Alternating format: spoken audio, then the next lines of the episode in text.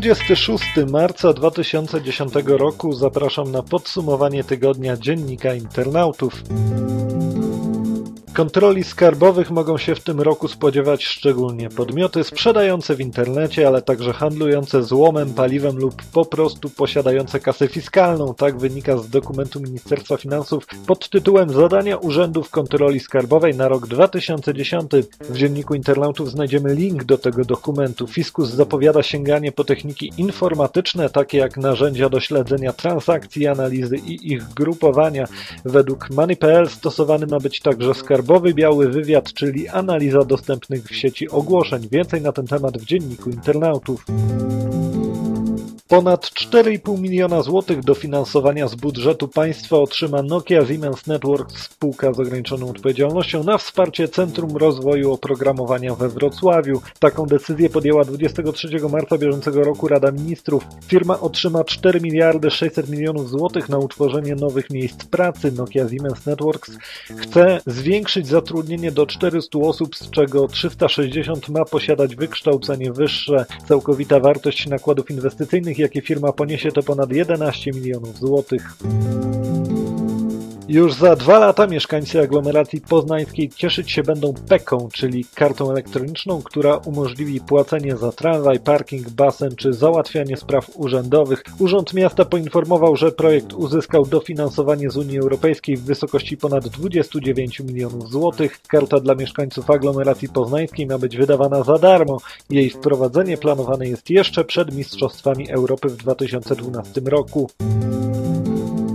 Nowe przepisy ułatwiające wykonywanie połączeń z telefonów komórkowych w czasie przebywania na statku przyjęła Komisja Europejska. Dzięki temu nie będzie istniało 27 różnych zestawów przepisów dla unijnych operatorów, ale jeden zestaw. Otwiera to drogę nie tylko dla świadczenia usług komórkowych na wodach terytorialnych Unii, ale także dla innowacyjnych aplikacji takich jak system zdalnego monitorowania kontenerów składowanych na pokładach.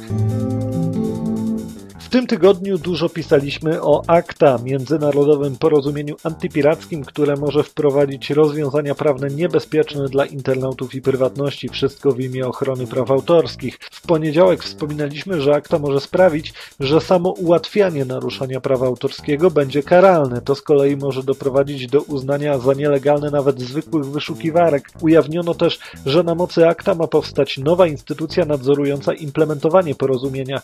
W tym tygodniu miał miejsce miejsce także ważny wyciek. Organizacja La Quadrature du Net opublikowała cały szkic porozumienia z 18 stycznia. Nie jest on może najbardziej aktualny, ale po raz pierwszy możemy zobaczyć akta w całości. Pytanie tylko, czy w tej sytuacji nadal opłaca się trzymać akta w tajemnicy. Więcej na ten temat w dzienniku internautów.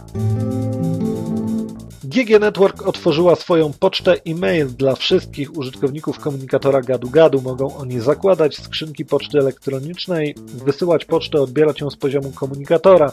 Poczta gadu-gadu posiada standardowe rozwiązania. Można łatwo połączyć konto w poczcie GG z innymi kontami w celu otrzymywania i wysyłania poczty. Reklamodawcy nie powinni zlecać Google zamieszczania reklam wykorzystujących słowa kluczowe będące znakami towarowymi konkurencji. Google nie ponosi jednak odpowiedzialności za takie reklamy, tak uznał Europejski Trybunał Sprawiedliwości, który wydał wyrok w sprawach połączonych Google kontra Louis Vuitton i inni. Jeśli chodzi o odpowiedzialność Google, to Trybunał zwrócił uwagę na to, że prawo Unii przewiduje ograniczenia odpowiedzialności dla podmiotów świadczących usługi elektroniczne. Jeszcze o firmie Google, która podjęła długo oczekiwaną decyzję o zakończeniu cenzurowania wyników w chińskiej wyszukiwarce. Wszyscy użytkownicy, którzy korzystają z witryny google.cn będą kierowani do strony w Hongkongu. Stanowisko w tej sprawie zajęły już chińskie władze. Pekin stwierdził, że Google złamała pisaną obietnicę, a jej decyzja o zakończeniu cenzurowania była zła. Władze nie zgadzają się także z zarzutami, że to one stoją za grudniowymi atakami na konta pocztowe Gmail. Co więcej, chińskie media już oskarżyły Google o działania szpiegowskie. W podcaście to wszystko, ale w dzienniku internetów jest jeszcze wiele innych informacji, ciekawych tekstów, na przykład o tym, dlaczego jutro o godzinie 20.30 możemy wszyscy zgasić światło. Warto też poczytać artykuł Jarosława Lipszyca na temat wspierania czasopism kulturalnych przez Ministerstwo Kultury i niezrozumiały brak wsparcia dla czasopism internetowych. Czytaj dziennik internautów www.d.com.pl